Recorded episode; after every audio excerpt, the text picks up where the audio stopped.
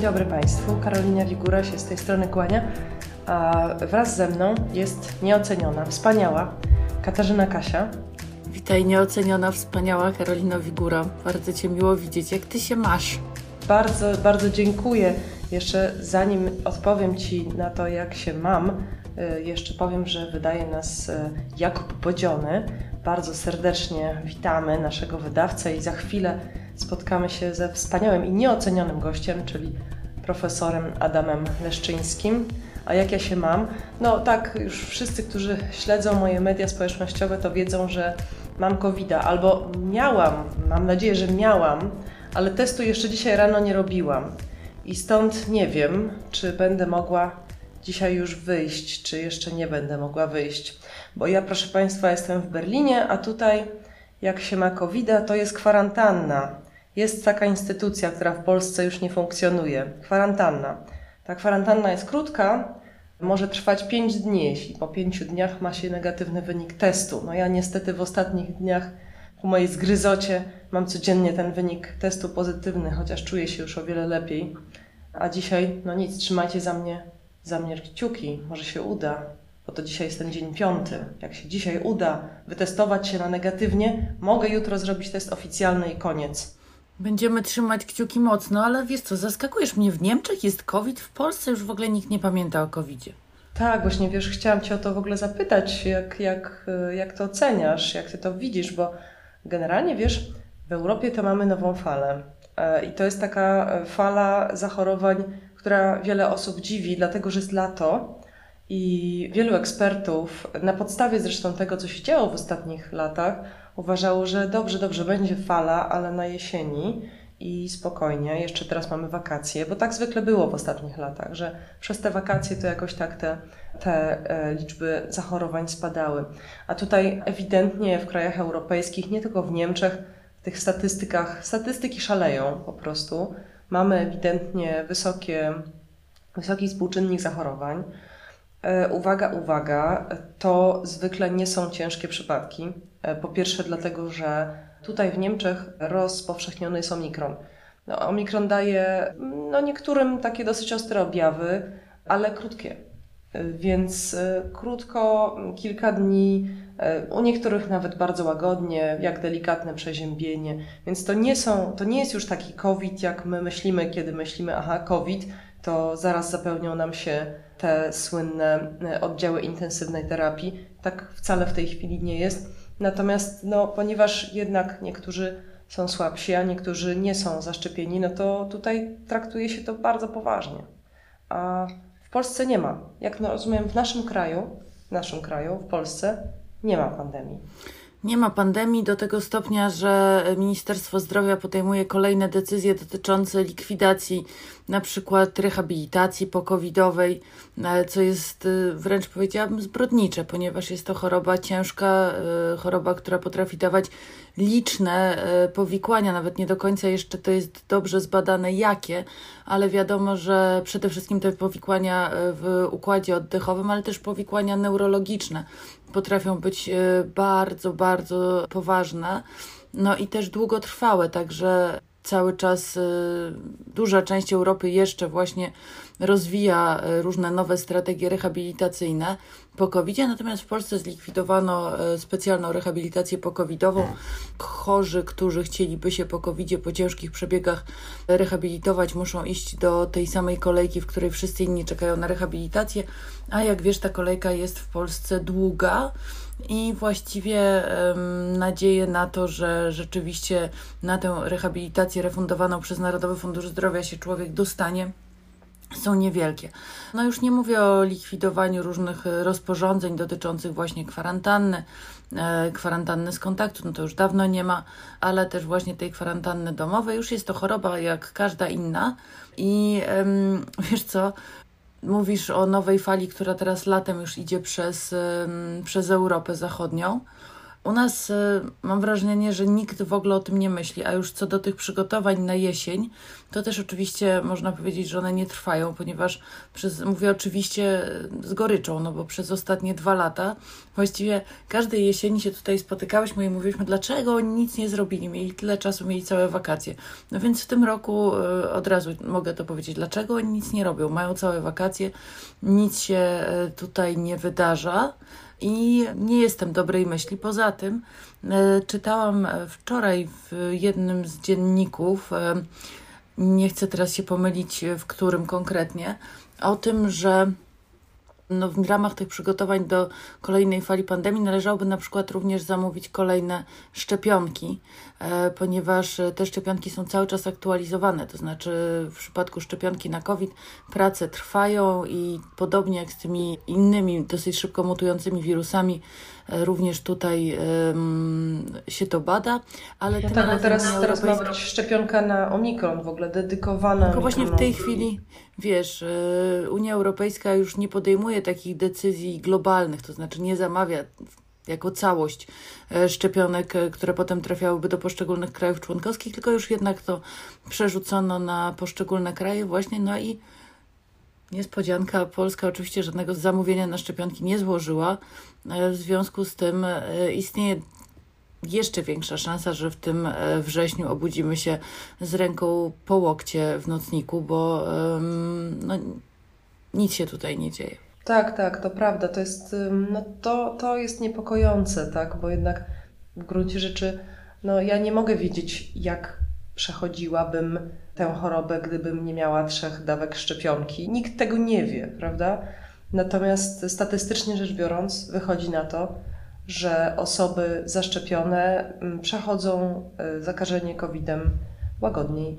E, czyli e, tak, no trzy dni rzeczywiście było ciężko, ale potem zrobiło się o wiele, wiele łatwiej i lepiej. I to jest standard, czyli, czyli jak ktoś przedtem dał się pokłuć, to, to, to jest mu potem lepiej.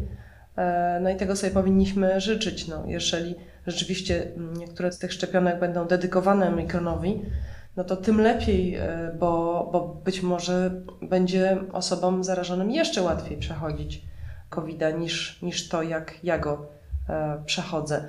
Także, także proszę Państwa, dbajcie o siebie, e, bo jednak niezależnie od tego, co, co robią nasze władze, to, no to też wszyscy podejmujemy decyzje, prawda? Ja Ci powiem, Kasiu, że stałam przed taką decyzją w, w piątek, kiedy miałam w ogóle jechać na festiwal teatralny do Drezna, więc już walizka właściwie spakowana. Pojechałam do biura, bo tam mam testy. Myślę sobie, poprosili, żeby się przetestować. No to się przetestuję. No i przetestowałam jeden test pozytywny, drugi test pozytywny. No i na dobrą sprawę to mm, mogłam odebrać dziecko ze szkoły, bo mieliśmy jechać razem, więc on też był przygotowany, że ze mną gdzieś wyjeżdża. Skasować to Drezno i wracać do Polski, e, chorować w Polsce bo w Polsce, czyli tak godzina od Berlina pociągiem, nie ma żadnej kwarantanny, żadnej obo żadnego obowiązku noszenia maski, nic. No ale pomyślałam sobie, no aha, no i co? I zarażę po drodze pół pociągu? No i tak od tego czasu właśnie znajduję się w moim areszcie domowym w berlińskim mieszkaniu. Takie życie. A Michałek zdrowy? Tak, tak, tak. I tutaj akurat to jest, to jest przyjemne, że ta osoba kontaktowa jest tylko i wyłącznie testowana codziennie. Nie musi z tego powodu też mieć aresztu domowego, więc może normalnie chodzić do szkoły poza dniem dzisiejszym, bo dzisiaj w szkołach strajk. E, a jeszcze się rok szkolny nie skończył. E, jeszcze się nie skończył. U nas już tak, u nas już się skończył. No a Kasiu, chciałam Cię zapytać o coś jeszcze e, zupełnie innego, bo tak media obiegło w naszym kraju jeszcze takie, taki wizerunek. Wizerunek takiego posła. Poseł Franek Sterczewski Swego czasu osoba, która zasłynęła i słusznie zasłynęła tą akcją na, na granicy polsko-białoruskiej, przebiegnięciem pomiędzy osobami e, ze Straży Granicznej, e, z pomocą dla, dla ludzi, którzy tam byli zablokowani na tej, na tej granicy. Więc dla mnie bardzo pozytywnie kojarząca się osoba, e, żeby było jasne. Ta akcja wtedy tego nieposłuszeństwa obywatelskiego zrobiła na mnie bardzo dobre wrażenie. No a a teraz oglądamy trochę inny film z posłem Sterczewskim, Mianowicie jak poseł Sterczewski jedzie na rowerze, no i tak nie do końca trzeźwy. Potem rozmawia z policją. Widziałaś ten film? Chciałam niestety, wiesz co, bo um, generalnie e, Franciszek Sterczewski jest no, takim posłem, który e, oprócz tego, co zrobił na granicy polsko-białoruskiej, zresztą to przebiegnięcie tam, ten akt nieposłuszeństwa obywatelskiego to był tylko jeden z elementów, ponieważ on tam rzeczywiście był od początku w e, Usnarzu i bardzo dużo podjął różnych działań na rzecz osób, które w tych lasach ginęły i giną cały czas. Ale to nie jest też jedyne jego takie pozytywne działanie. To jest osoba, która bardzo odważnie stawała w obronie praw osób LGBT, oflagowała tęczą poznański ratusz i tak dalej. I w ogóle no, jest to poseł, którego aktywność śledzę od początku tej kadencji i myślę sobie, że tak sobie myślałam, że fajnie byłoby, gdyby więcej było takich młodych właśnie osób, którym się chce, które mają jakiś pomysł, które działają w polityce. Ten filmik mnie załamał, to znaczy pomyślałam sobie, Boże, to jest kolejny raz, kiedy no kiedy jakieś takie, takie beznadziejne, głupie zachowanie ma miejsce.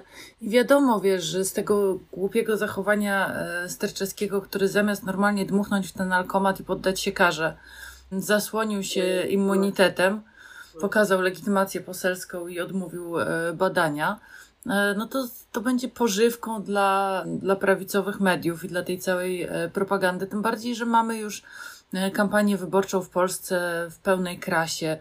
Już Jarosław Kaczyński objeżdża kolejne miejscowości. No i teraz będzie miał do swojego repertuaru nienawistnego jeszcze posła Franciszka Sterczewskiego.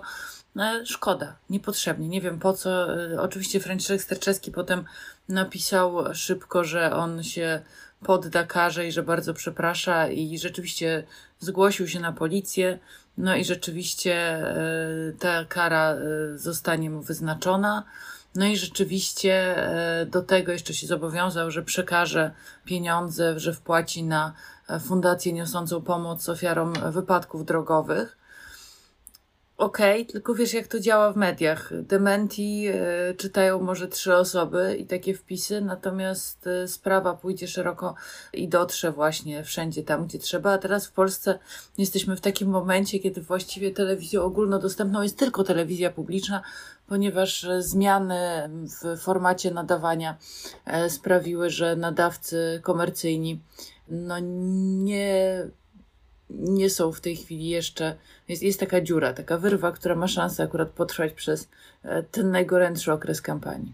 Tak, tak, właśnie. To jest, to jest y, też dla mnie takie pytanie, dlaczego, e, bo jakby ja się z Tobą zgadzam, nie usprawiedliwiam. Myślę, że głupoty robi się różne, to ewidentnie były różne głupoty, których narobił e, pan poseł i trzeba było po prostu za te głupoty odpowiedzieć. I naj, najbardziej mnie załamuje w tym całym filmie ten moment, kiedy on wyciąga tę legitymację. Myślę sobie, no po co, no? Trzeba było dmuchnąć walkomat, przeprosić, poddać się karze i do widzenia. Natomiast to, co mnie zastanawia w tym wszystkim, to jest, że okej, okay, e, taka sytuacja się zdarzyła i, i czy to jednak nie jest tak, że ta sytuacja będzie jakoś bardziej zwracała uwagę, może będzie bardziej grzała medialnie albo będzie grzana medialnie, bardziej niż tysiące sytuacji znacznie gorszych, których się dopuszcza ta partia rządząca. To mnie strasznie interesuje, dlaczego tamtym się zawsze wszystko upiecze, ale właściwie zanim na to pytanie odpowiemy, to może ja zaproszę naszego gościa, bo ja myślę, że naszego gościa to interesuje. Może nasz gość nam coś powie ciekawego w tej sprawie. Tak, ja myślę, że nasz gość powie coś ciekawego w tej i innych sprawach. Więc zapraszamy, proszę Państwa, profesor Adam Leszczyński. Bardzo, bardzo serdecznie witamy. Dzień dobry, dzień dobry, cześć. Życzę Ci wszystkiego dobrego, Karolino. Szybkiego powrotu do zdrowia. Bardzo, bardzo serdecznie dziękuję i też, też Ci życzę wszystkiego dobrego, chociaż do, do zdrowia chyba wracać nie musisz, jesteś w dobrym. E, proszę Państwa, ja nie sądzę, żebym musiała bardzo e, Adama Leszczyńskiego przedstawiać, ale to jednak zrobię. Historyk, profesor historii, też socjolog, autor e, bardzo głośnej książki Ludowa Historia Polski. To była jedna z takich niewielu naukowych książek, które się przebiły do, e, do takiego mainstreamu właściwie rozmowy zupełnie nienaukowej. To było bardzo fajne. Cieszę się, kiedy, kiedy książki naukowe mają szansę się przebić do takiego głównego nurtu dyskusji. A oprócz tego związany z Ekopres, ze, z Instytutem Studiów Politycznych PAN, z krytyką polityczną. Bardzo, bardzo serdecznie Cię witamy. Dziękuję za zaproszenie. Bardzo jest mi miło. Nam też bardzo miło. Do naszego zaproszenia pretekstem e, był taki e, Twój post na Facebooku dotyczący liberałów albo lipków. E, I zaraz go przytoczę. Nie użyłem tego słowa, nie użyłem tego słowa, nie użyłem. Ale my go, my, nie, nie my go między użyłeś, sobą nie użyłeś, używamy, wiesz, zupełnie nie czujemy, żeby to słowo jakkolwiek nas, w jakikolwiek sposób nas obrażało, to wydaje nam- się bardzo zabawnym słowem. Ale, ale jeszcze zanim przeczytam Wam ten post, żeby, żeby jeszcze się od niego odbić, to chciałam Cię właśnie zapytać, Adamie, o, o zdanie na temat em, tego nieszczęsnego Franciszka Starczewskiego, e, bo on też zaistniał. No, jest to bardzo smutna sytuacja. Mam nadzieję, że to nie będzie koniec kariery. Chociaż yy, no, też mam wrażenie, że w Polsce obowiązują inne standardy dla polityków yy, demokratycznych, inne dla niedemokratycznych. To znaczy, jeżeli ktoś jest z PiSu, to może robić różne bardzo dziwne rzeczy i jakoś mu to uchodzi płazem, a e, w, w przypadku polityków demokratycznych wystarczy na coś relatywnie jednak bardzo niewielkiego i, i, jest to duży problem. Ja przeczytałem teraz na Twitterze wpis Donalda Tuska, który odnosi się do, do tej całej sytuacji i radzi posłowi Sterczewskiemu, żeby na przyszłość wybierał transport publiczny. I to jest oczywiście żart, ale równocześnie on jest niesłychanie złowrogi, tak jakbym to trochę odebrał. Znaczy mnie dreszcze przeszły, jak ten, przeczytałem ten, e, ten żart Donalda Tuska, bo otrzymam wrażenie, że, że poseł Sterczewski nie jest przesadnie lubiany przez kolegów starszych i koleżanki z Platformy i że oni z radością, przynajmniej niektórzy, niektóre z nich, przyjmą e, okazję pozbycia się go. Dam taką wpadkę, którą odnotują. mm, No proszę, tu taki był, prawda, bojowy i, i tak to się skończyło. Mm, To jest, ba- bardzo mi się spodobało to, co powiedziałeś, że są różne standardy dla polityków y, demokratycznych i polityków, no nazwijmy ich populistycznych. A dlaczego tak Twoim zdaniem jest? No ale to dotyczy republikanów w Stanach Zjednoczonych też, nie? To jest dokładnie taka sama sytuacja. Tam były takie na przykład historie z, związane z y, jakimiś skandalami korupcyjnymi, czy liczne, czy obyczajowymi, na które Amerykanie są wrażliwi akurat dużo bardziej niż Europejczycy. Łącznie z historią, którą ja bardzo lubię, takiego senatora amerykańskiego, który kiedyś usiłował obrońcy rodziny i, i małżeństwa, który kiedyś usiłował namówić na e, policjantka, policjanta, przepraszam, na, na seks w toalecie na lotnisku.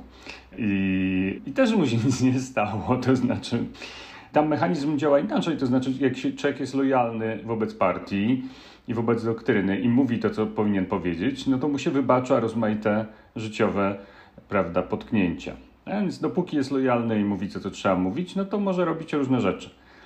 Oczywiście bez przesady, no jakieś granice istnieją, no ale generalnie ta skala tolerancji jest duża.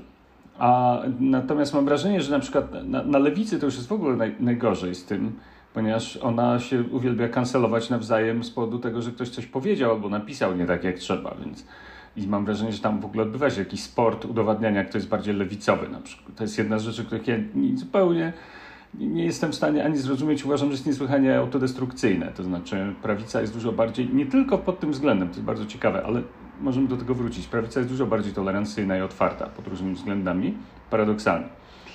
E, w tym ta taka bardzo religijna prawica. No. Więc e, co zrobić? No? Co zrobić?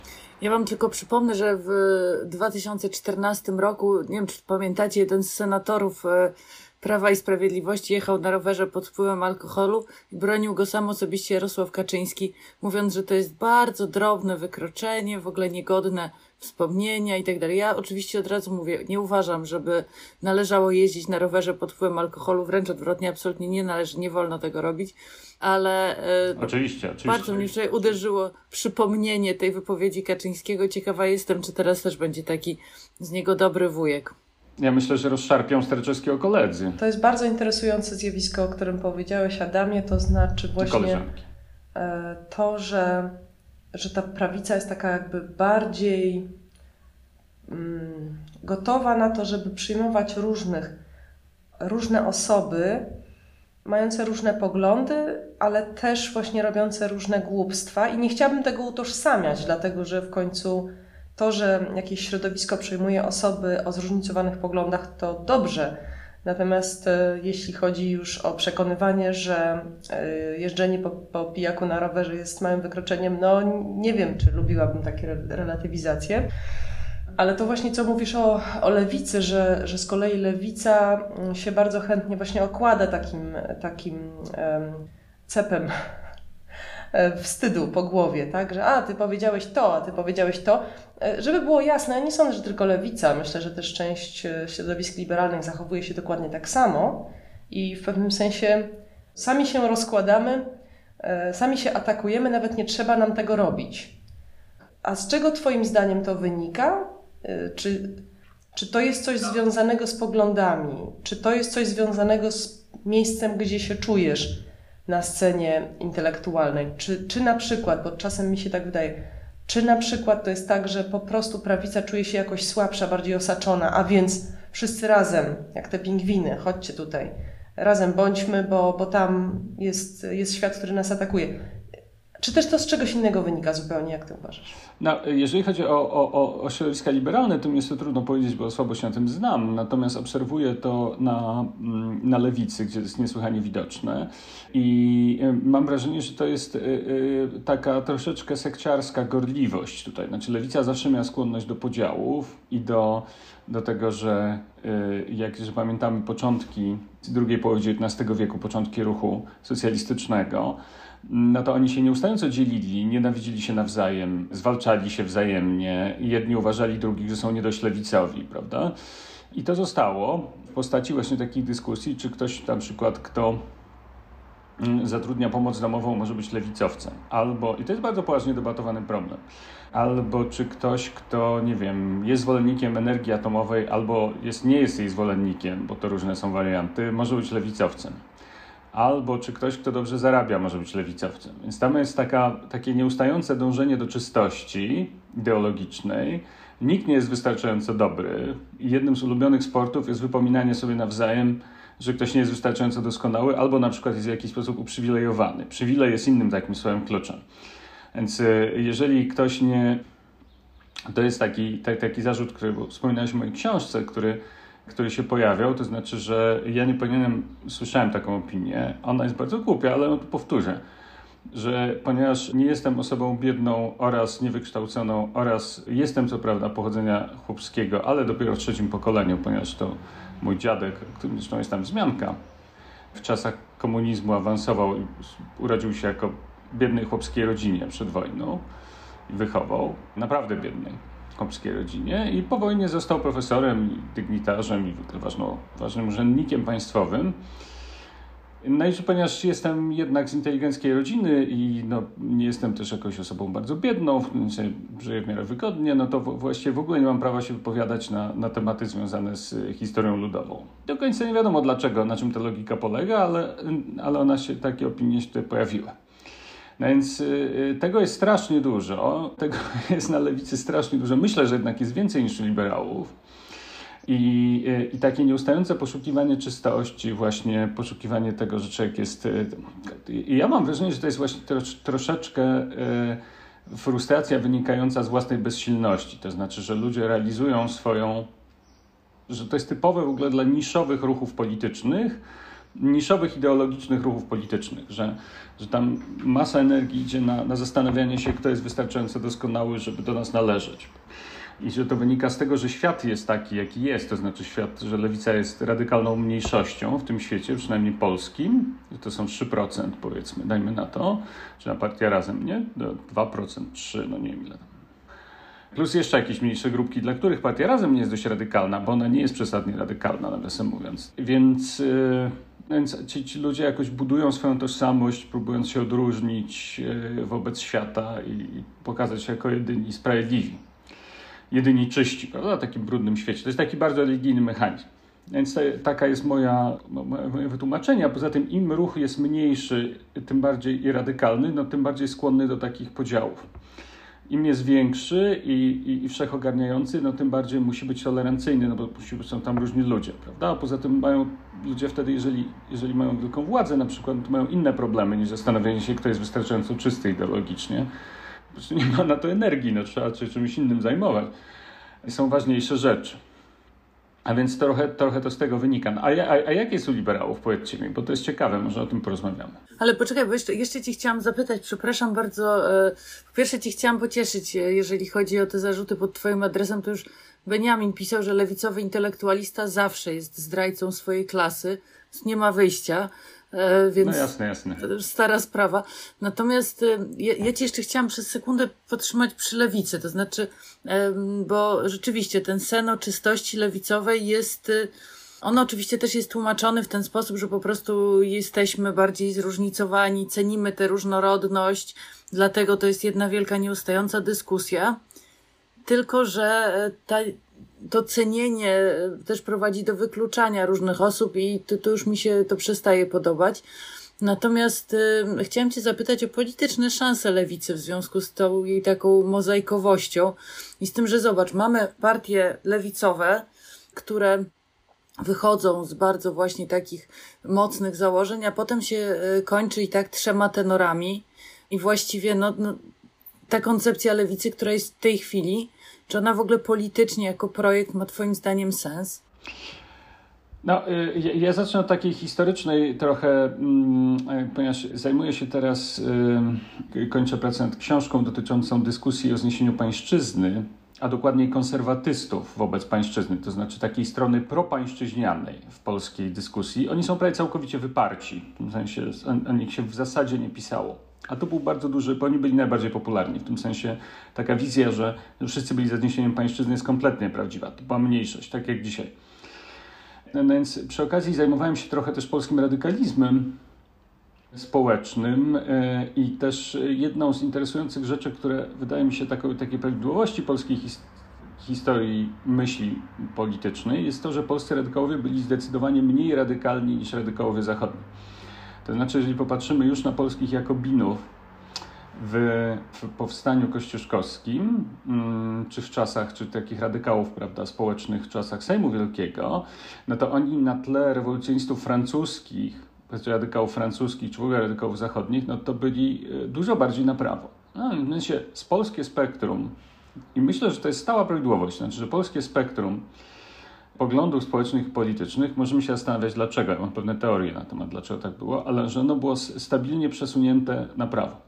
To dotyczy także liberałów, to znaczy wiele osób uchodzących z wielu wa ważnych autorów uchodzących za liberałów, o których na przykład profesor Maciej Janowski napisał bardzo ciekawą książkę o XIX, polskich liberałach w XIX wieku, no oni naprawdę też byliby konserwatystami na Zachodzie. Zresztą tutaj też byli realnie. To mam problem trochę z tą książką, ponieważ on uważa za liberałów osoby, które moim zdaniem tak naprawdę nimi nie były. Ale to, to jest temat na, na osobną dyskusję. A więc mamy do czynienia z sytuacją, w której polskie spektrum dyskusji jest stale przesunięte na prawo. I, I, to jest też przypadek polskiej lewicy dzisiaj, to znaczy ona jest bardzo mało radykalna na, na tle zachodnim. Jeżeli popatrzymy na program Partii Razem, to różne elementy tego programu tam są które są u, u, nas uchodzą za, za program niemalże komunistyczny i słyszę takie rzeczy właśnie, na przykład, że Adrian Zandberg jest bolszewikiem. No, jest to jedno z większych głupstw, jakie w ogóle można powiedzieć. Oczywiście on nie ma nic wspólnego z żadnym bolszewizmem, jest takim klasycznym socjaldemokratą, a różne elementy programu Partii Razem, na przykład związane z budownictwem publicznym czy różną sferą usług społecznych, no są absolutnym elementem zachodniego centrum. A więc one są czymś dziwnym u nas i radykalnym, ale już za zachodnią granicą są czymś centralnym. No i teraz oczywiście szanse lewicy zależą od tego, w którą stronę zmierza społeczeństwo polskie, znaczy jak ono ewoluuje. Od bazy społecznej tak naprawdę zależy.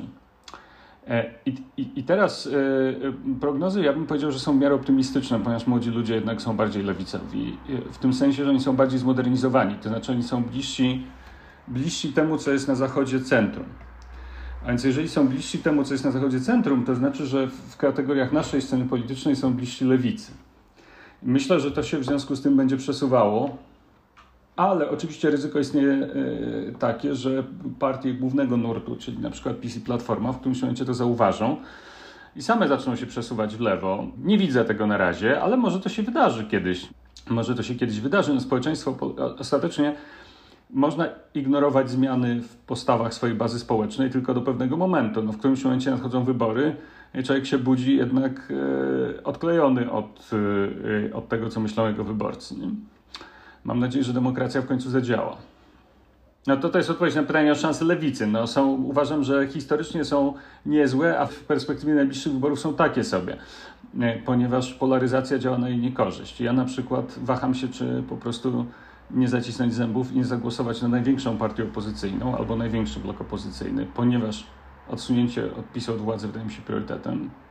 Co oznacza pewnie, że zacisnę zęby i nos i zagłosuję na Platformę Obywatelską pierwszy raz w życiu. Pierwszy raz w życiu. I będzie to zasługa Jarosława Kaczyńskiego. Jeszcze pytanie jedno, które mnie bardzo męczy, to znaczy, czy lewica w tym kształcie, w którym jest dzisiaj, ma w ogóle jakieś zdolności koalicyjne? No bo mówimy o tym e, budowaniu właśnie bloków, wspólnych list i tak dalej. Ja sobie próbowałam tę układankę jakoś układać tak czy inaczej z kim ewentualnie lewica mogła pójść do wyborów? Przepraszam, że sprowadzam to wszystko e, do takiej, wiecie. Nie wiem, czy mogłaby natomiast myślę, że po wyborach spokojnie znalazłaby się, przynajmniej większość znalazłaby się w koalicji rządzącej. Ona nie wejdzie do parlamentu bez. Nie wiem, czy, bez, czy z partią razem, czy nie, ponieważ okej, okay, nie jestem specjalistą od tego, co myślą razemici, ale wydaje mi się, że dla nich jednak wejście w koalicję z Platformą Obywatelską byłoby dużym wstrząsem dla elektoratu, który był w dużym stopniu wychowywany w opozycji wobec Platformy. A więc nie jestem pewien, czy liderzy partii Razem, liderki mogą sobie na to pozwolić. Trudno mi powiedzieć. Ale z drugiej strony istnieje poważne ryzyko, że jeżeli nie będą próbowali tego zrobić, to w ogóle się w parlamencie nie znajdą. A polityce zdaje się jest tak, że jak już ktoś raz trafi do parlamentu, to się do tego przyzwyczaja i, i, i powrót, wyjście z niego nie jest przyjemne. Nie jest przyjemne, nie? Mm.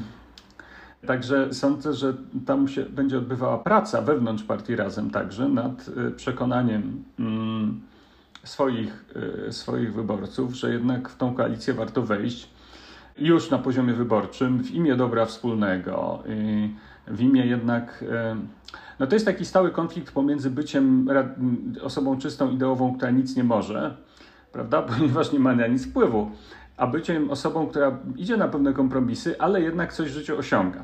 Tak? To, no, to jest taki klasyczny dylemat rady, radykalnej polityki. I ja znam osoby na lewicy, które uważają, że trzeba być yy, czystym ideowo i że to jest wartość i że nawet za cenę tego, że człowiek nie ma nic de facto do powiedzenia, ale za to pisze na Facebooku gniewne posty o tym, jak, e, jak Platforma jest niedobra. Mm. I że to jest, to jest to, o co chodzi w, w, polityce, no ale rozumiem, że są osoby, które i, i podejrzewam, że to jest kierownictwo, zgaduję tutaj, nie rozmawiałem z nimi na ten temat, ale podejrzewam, że to jest kierownictwo jednak e, partii Razem, bo to o niej mówimy, bo rozumiem, że e, Włodzimierz Czarzasty i Robert Biedroń absolutnie będą za koalicją ale tutaj chodzi o, o te tam 2-3%. A poza tym z punktu widzenia te, też wydaje mi się partii Razem istnieje ryzyko, że jeżeli większa część lewicy pójdzie jednak w koalicji wyborczej z Platformą, a oni nie, no to że się całkowicie zmarginalizują. To znaczy, że duża część ich wyborców odpłynie od nich i powie, dobra, to ja już zagłosuję na Czarzastego jednak. Wolałbym na Zandberga, ale zagłosuję na Czarzastego, ponieważ, ponieważ on mi daje większe szanse, że cokolwiek z naszego programu dowiezie. Tak? Jest mniejszy, mniej, mniej obsesyjnie przywiązany do swojej własnej e, czystości. Ale też Sądzę, że, tam, że, że tutaj problemem głównym w przypadku, w przypadku partii Razem nie jest kierownictwo tej partii, tylko raczej e, ta, jej takie doły partyjne, które są myślę bardziej radykalne od, e, e, od polityków, którzy dostali już dużą, dużą lekcję tego, jak się robi politykę w Sejmie. A są, ponieważ są to bardzo inteligentni ludzie, są to bardzo inteligentne osoby, no to jestem pewien, że ta lekcja została dobrze zrozumiana.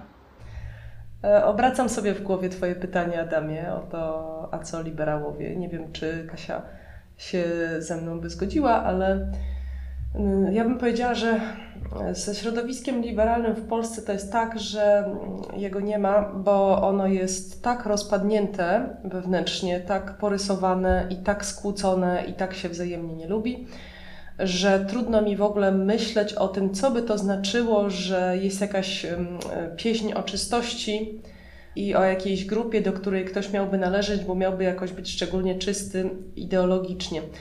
E, to wynika częściowo w ogóle z, z charakteru samego liberalizmu, bo liberalizm jest bardzo wielonurtowy i nawet z tymi środowiskami, z którymi się chętnie potykamy ideologicznie, tak przyjaźnie, to, to, to bardzo często są naprawdę się niekończące się boję o to, że nasze środowisko opowiada się bardziej za wolnością polityczną i za liberalizmem no, firmującym taką, taką szeroką definicję wolności, a tymi środowiskami, które uważają, że nie, no jeżeli po prostu nie jesteś przekonany, że sednem liberalizmu jest wolność ekonomiczna, to jest początek wszystkiego, to w takim razie liberałem nie jesteś.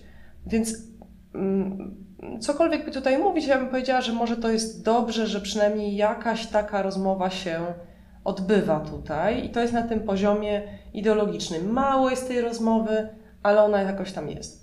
Natomiast wydaje mi się, że to skłócenie i podzielenie jest związane z czymś zupełnie innym, to znaczy, że rok 2015 nie doczekał się prawdziwego przepracowania w środowiskach liberalnych w Polsce. E, mianowicie to są środowiska, które były zbudowane w wielkiej mierze na hierarchii, w takim sensie, że, że, że jest to e, nieco starsze pokolenie liberałów, które utożsamiało ten liberalizm, jaki był liberalizmem u władzy w Polsce. I teraz w momencie, kiedy, kiedy to pokolenie mm, zaczęło tracić władzę w 2015 roku, no to nastąpił szalony podział, bo młodsze środowiska, takie jak my, zamiast mówić, o, jacy wy biedni, to, zaczęli, to zaczęły mówić, a no tak, no sami jesteście temu winni. I w tym momencie no, nastąpił bardzo, bardzo głęboki podział. Ja muszę powiedzieć, że ja strasznie żałuję, to znaczy uważam, że, że ta nieumiejętność kooptacji nowych poglądów do, tego, mm, do, do tej szerokiej palety środowisk, akceptowanych jako liberalne, ostatecznie sprawiła, że, że, że, liberalizm w Polsce dzisiaj jest jakoś taki wypłukany mocno i z, i z mocnej dyskusji i, i z umiejętności tego, o czym, o czym ja marzyłam od samego początku, to znaczy wynalezienia się na nowo. To jest, to jest środowisko, jeśli w ogóle jest środowisko, to szeroko pojęte środowisko, ale w, w olbrzymim kryzysie właśnie tego nieprzepracowanego szoku 2015 roku. Ja bym to tak oglądała, tak bym to widziała. No, nie chcę teraz wrzucić za dużo jednocześnie tematów, to może po prostu zapytam, po pierwsze, Kasiu, czy się ze mną zgadzasz, bo, bo nie wiem, a po drugie, no właśnie, o reakcję Twoją, Adamie.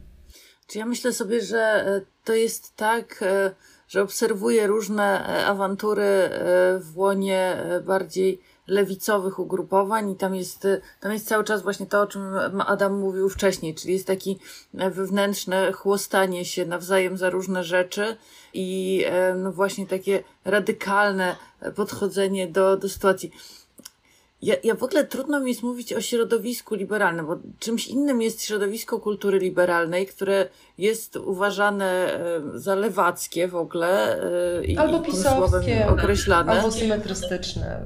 Wszystko, whatever. No, symetryści, lewacy, tak. No tutaj z każdej strony można dostać po głowie, ale, e, ale z drugiej strony no, nie, nie mam poczucia, żeby to środowisko kultury liberalnej coś więcej łączyło no właśnie z tym poprzednim pokoleniem liberałów, oprócz tego, że, że się z nimi często przecież nie zgadzamy, e, niż jakieś inne środowisko. Także nie mam tutaj takiego poczucia, raczej właśnie myślę tak jak Karolina, że to jest jakaś taka dosyć amorficzna sytuacja, że e, to, co się mówi o liberalizmie, też dużo się mówi, ale bez e, definiowania. Jeżeli ktoś próbuje odpowiadać na pytanie o to, czym miałby być współczesny liberalizm, no to wychodzi na altrajtowca, symetrystę albo lewaka. To w zależności od tego, z której strony jest y, krytykowany. Zupełnie co innego ma Jarosław Kaczyński, mówiąc o liberałach. Y, zupełnie co innego Donald Tusk, zupełnie co innego Krzysztof Bosak, y, zupełnie co innego Adrian Zandberg. No, tutaj mamy absolutnie pełny przekrój i ja myślę, że ciężko jest w ogóle w tej chwili mówić o liberalizmie w Polsce bez yy, jakiejś takiej bardzo poważnej dyskusji tego, o czym też powiedziałaś, Karolina, czyli właśnie tego zastanowienia się, co się stało w tym 2015 roku i czy to rzeczywiście jest tak, że myśmy sami e, łyknęli jak młode pelikany narrację Jarosława Kaczyńskiego, tę opowieść o liberalnych elitach i o tych ośmiorniczkach. Nawiasem mówiąc, e, jest coraz większym wzruszeniem i, i, i tęsknotą, co tu kryć, myślę o tych ośmiorniczkach. Nie dlatego, żebym je jadła, tylko chciałabym, żebyśmy z powrotem mieli takie problemy, że ktoś e, właśnie jadł ośmiorniczki, czy miał drogi zegarek, bo przy tym naprawdę elektrownia w Ostrołęce, e, dwie wieże na Srebrnej oraz miliard innych rzeczy, no, to, to są sprawy niewyobrażalne w ogóle. Okej, okay, to mm, ja odpowiem najpierw taką anegdotą z czasów mojej pracy wieloletniej. Ja pracowałem 20 parę lat w Gazecie Wyborczej. Otóż y, myśmy tam mieli takie zebrania raz w tygodniu, planujące gazetę e, wydanie weekendowe, czy tam ktoś się różnie nazywało, gazeta świąteczna, potem magazyn. No i na tych zebraniach bardzo często była taka dyskusja, na zasadzie mamy, wszyscy mówią mniej więcej to samo w naszej gazecie, w związku z tym otwórzmy się na, na inne poglądy. Prawda? Otwórzmy się, zaprośmy kogoś tu z lewicy, tu z prawicy, żeby była jakaś różnorodność. Jest mało różnorodności. I oczywiście wszyscy się zgadzali, bądźmy różnorodni. I to była taka rytualna dyskusja, która wracała po prostu przez te całe 20 lat, tak jak to pamiętam. E, natomiast jak dochodziło co do czego, jak już się pojawiał jakiś tekst, który byłby rzeczywiście inny, no to natychmiast okazywało się, że jest tym problem, ponieważ on naruszał jakiś tabu. Miałem wrażenie, że ta dyskusja liberalna w Polsce jest pełna tematów tabu, to znaczy takich, do których nie można dotknąć. To znaczy, tam mam z jednej strony deklarujemy, że jesteśmy otwarci i, i dyskutujemy o wszystkim, a z drugiej strony, jak już do tej dyskusji konkretnie dochodzi, to nagle się okazuje, że każdy konkretny temat sprawia problem. E, bo na przykład dotyka, nie wiem, kwestii zasiłków, albo rynku pracy, albo świadczeń społecznych, albo populizmu tak zwanego, co się, co liberałowie nazywają populizmem, to jest jeszcze w ogóle osobna, bo, bo często mam wrażenie, że obrażanie się na populizm to jest po prostu obrażanie się na demokrację. W części przynajmniej tych środowisk, ale to jest pewnie temat na osobną rozmowę. No więc że tu mieliśmy do czynienia z taką sytuacją, że jakby świat dyskusji e, tych liberalnej dla mnie jest światem po prostu obstawionym przez różne tematy tabu, których nie można dotknąć. Efektem jest takie straszne usztywnienie ideologiczne i jałowość. Nie mówię o was oczywiście tutaj, tylko tak jak obserwuję różnych na przykład tych publicystów, na przykład publicystów w gazecie, których część, część znam od wielu lat, Witka Gromskiego znam bardzo lubię, osobiście siedzieliśmy przy sąsiednich biurkach przez, przez długie lata. Więc yy, yy, i rozmawiałem z nim wiele razy na różne tematy, więc mam wrażenie, że trochę się znamy. Także, że tutaj jest y, właśnie no, troszeczkę yy, niezrozumienie, przechodząc już do wyborów 2015 roku, że, że nieprzepracowanie tych wyborów 2015 roku wynika właśnie z tych tematów tabu. To znaczy, żeby powiedzieć, że żeby to zrozumieć, co się wydarzyło, no to trzeba się zastanowić, co robiliśmy źle i to jest zawsze trudne dla ludzi, którzy zainwestowali swoje biografie polityczne i często zresztą doskonale im się wiodło na różnych poziomach przez, przez lata. Nagle się okazuje, że, e, e, że nie wszystko e, było tak, tak pięknie, jak oni sobie wyobrażali. Bo rozumiem, że jak człowiekowi się wszystko udaje, robi karierę, jest u władzy, przy okazji pewnie nie najgorzej zarabia i tak dalej, no to ma tendencję do postrzegania świata jako słuszny, sprawiedliwy, uporządkowany. Więc jest bardzo trudno wyobrazić sobie siebie jako beneficjenta niesprawiedliwości jakiejś albo jakiegoś, jakiejś wady systemowej. I, I potem mamy sytuację, w której jednak duża część narodu, większość, pewnie nie absolutna, ale jednak większość, głosuje przeciwko nam. No i teraz trzeba się zastanowić, co zrobiliśmy źle. Może to my zrobiliśmy źle. Oczywiście natomiast najłatwiej jest odpowiedzieć, że PiS, nie wiem, oszukał albo okłamał albo kupił swoich wyborców. To jest niesłychanie pogardliwy dyskurs jednak, jeżeli mówimy ludziom, że on ich kupił. No. On ma zresztą długą tradycję w polskiej historii, ponieważ wcześniej narzekano bardzo chętnie, że zaborca kupił lud polski na przykład uwłaszczeniem. To był element krytyki reform, e, e, no, później reformy rolnej, ale w, XIX wieku uwłaszczenia i zniesienia pańszczyzny, które się odbywało procesami, znaczy etapami.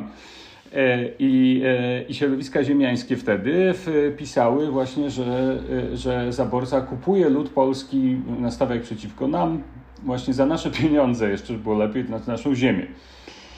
Także to jest ten sam, ten sam, ten sam schemat wyjaśniający, który jest oczywiście mechanizmem obronnym, to znaczy jakimś mechanizmem, mechanizmem wyparcia.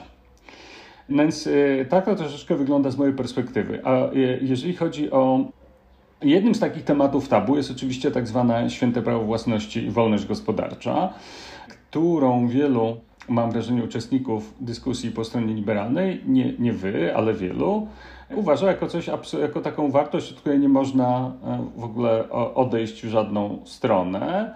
I wydaje się nie rozumieć, że jeżeli mamy rażącą asymetrię sił na przykład, czyli na przykład umowę między pracodawcą i pracownikiem, albo między właścicielem nieruchomości a najemcą, albo między korporacją, między bankiem a klientem. No? Więc, y, y, że, że nie ma tutaj mowy o wolnej umowie.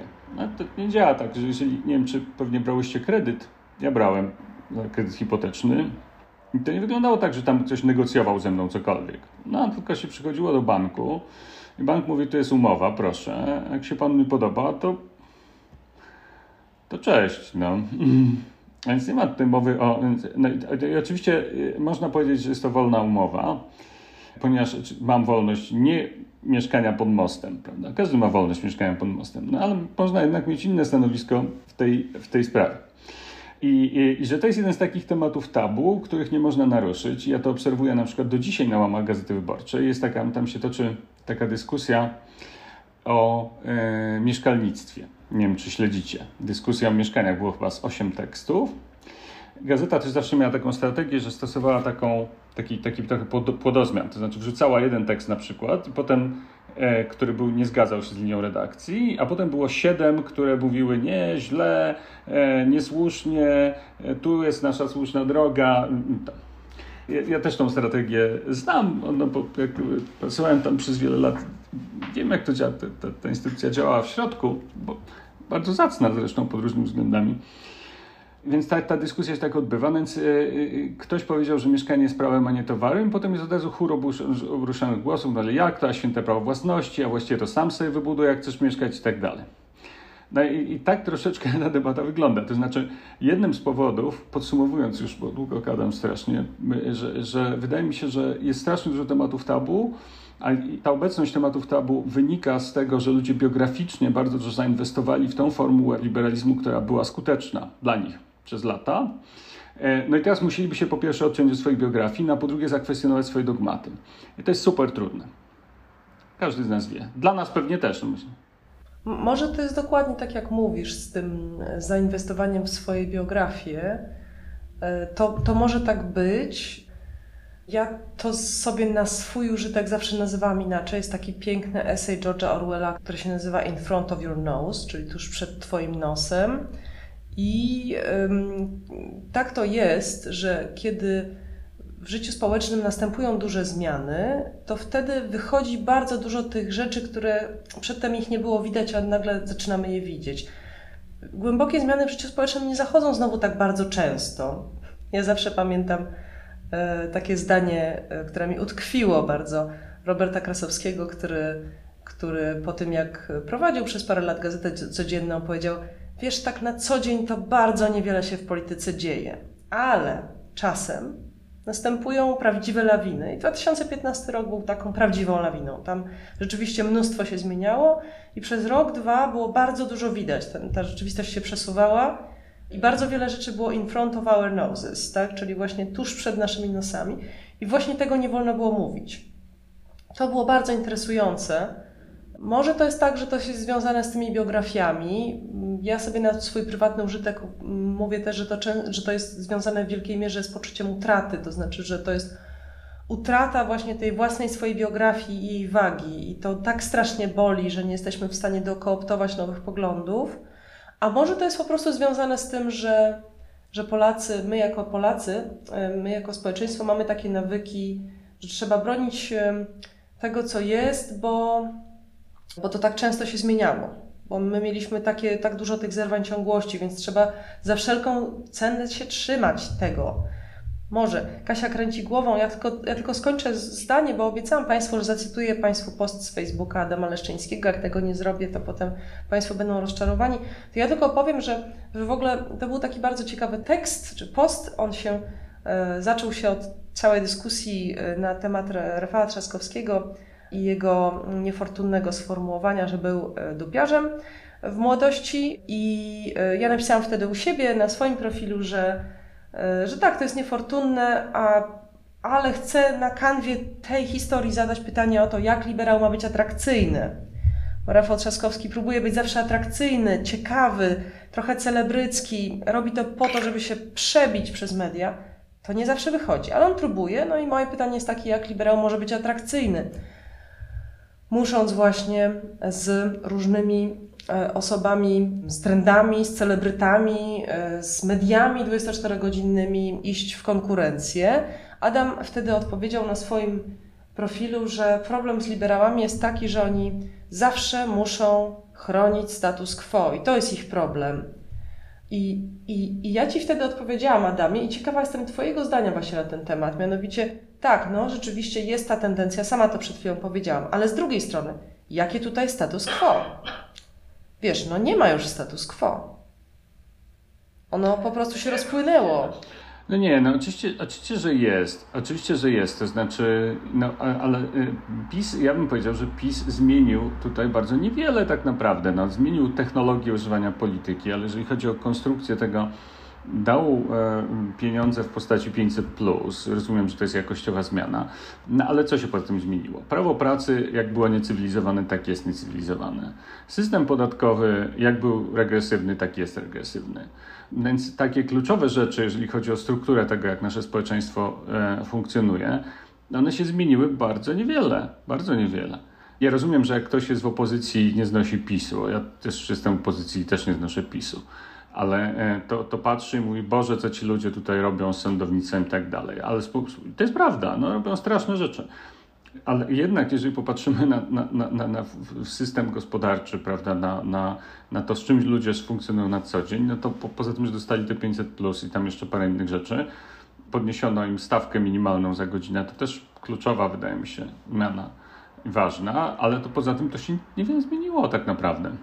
Więc dlatego mi się wydaje, że przeceniamy transformacyjną moc PiSu, to znaczy on jest takim on jest takim, takim trochę pasożytem, że on siada na tym systemie, który zbudował ktoś inny, psuje go dla swojej korzyści cynicznie, prawda? Tutaj coś tam podsypie, tu gdzieś tam coś popsuje jakąś instytucję, gdzieś tak, takie korzonki tam swoje, prawda, wpuszcza, żeby się utrzymać u władzy, taka huba trochę, nie? Mm, ale on go zasadniczo nie zmienia. To nie ma żadnej rewolucji, prawda, która się w Polsce odbyła na poziomie społecznym.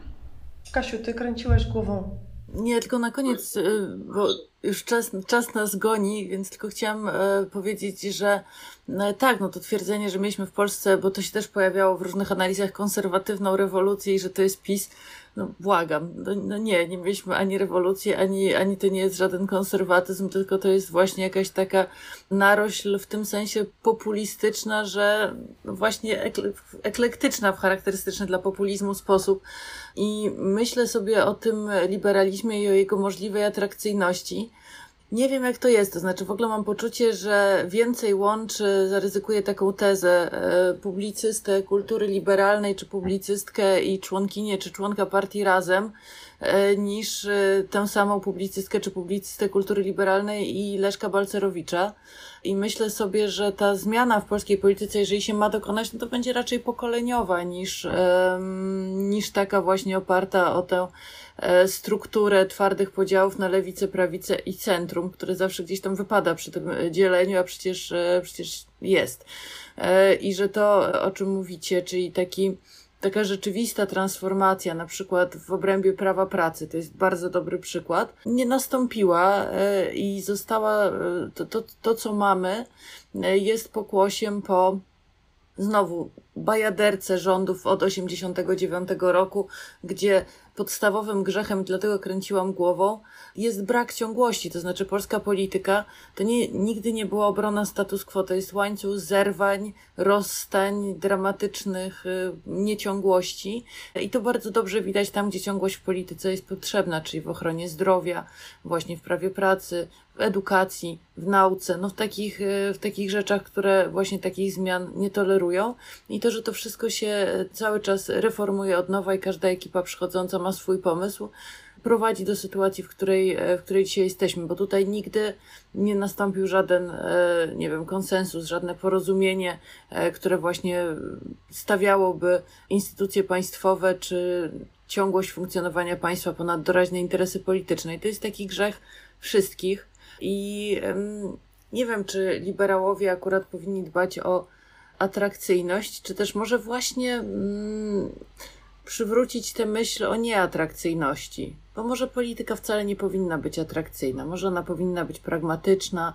O tym w zeszłym tygodniu rozmawialiśmy z Tomkiem Sawczukiem właśnie o pragmatycznym e, liberalizmie, może w tę stronę można byłoby pójść, tylko pytanie, to jest pytanie, które nam kiedyś zadała e, posłanka Leszczyna, to jest pytanie, jak to powiedzieć ludziom, że polityka nie powinna być atrakcyjna i że w sumie, no jakby wam to powiedzieć, to może troszkę byśmy mniej wystawnie żyli, ale za to pomyśleli o tym, żeby instytucje publiczne lepiej e, funkcjonowały. No właśnie, jest bardzo, wydaje mi się, trudno to powiedzieć.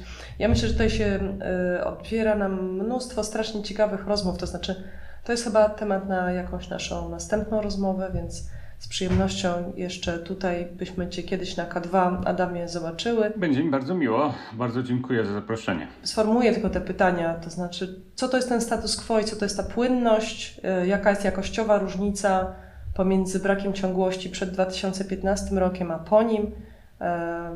Myślę, że jest tu jakaś jakościowa różnica, ale tak jak mówię, nie mamy już czasu, żeby się w to wgryzać. I dalej, czy E, czy liberałowie i lewica mogliby się zgodzić w kategoriach e, ekonomicznych? To jest coś, co ja, ja, gdzieś tam mam wrażenie, że tak dochodzimy do tych miejsc, gdzie się naprawdę możemy, możemy nie zgadzać, e, ale, ale wciąż mm, będziemy, będziemy musieli, musiały kończyć. Więc przede wszystkim bardzo, bardzo dziękujemy Tobie, Adamie, że spędziłeś z nami tyle czasu i że mogliśmy porozmawiać o liberalizmie, o, o lewicy. E, chciałam powiedzieć o lipkach, dobrze, o lipkach, lewakach e, i mm, serdecznie, serdecznie Ci dziękujemy. To ja dziękuję. Do zobaczenia, Dzięki. do usłyszenia. No, proszę Państwa, my Wam także bardzo, bardzo dziękujemy. E, słuchajcie Państwo, to jest ostatni odcinek K2 przed wakacjami. Robimy teraz przerwę wakacyjną. Więc bardzo serdecznie życzymy Państwu, żebyście mieli wspaniałe wakacje.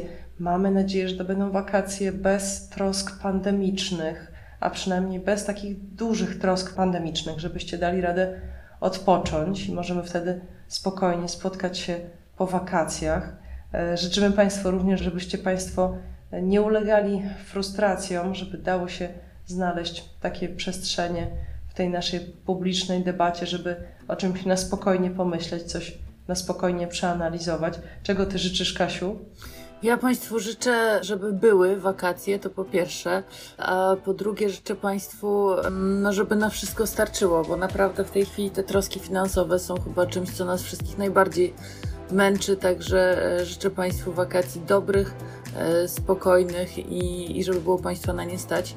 I um, też sobie myślę o tym, że życzę Państwu, żebyśmy po wakacjach wrócili do pracy w świecie trochę spokojniejszym, w świecie, w którym na przykład nie byłoby wojny. To jest takie moje największe życzenie. Tak, tak, tego by się rzeczywiście chciało. Bardzo, bardzo Państwu tego życzymy, czyli wakacje bez paragonów grozy, a jednocześnie zapraszamy już teraz, od razu zapraszamy na jutro. Jutro zaprasza Was e, do siebie Jarosław Kuisz, a w piątek Jakub Bodziony. Także tutaj się nic nie zmienia. Oglądajcie i słuchajcie, a my serdecznie pozdrawiamy i do zobaczenia po wakacjach.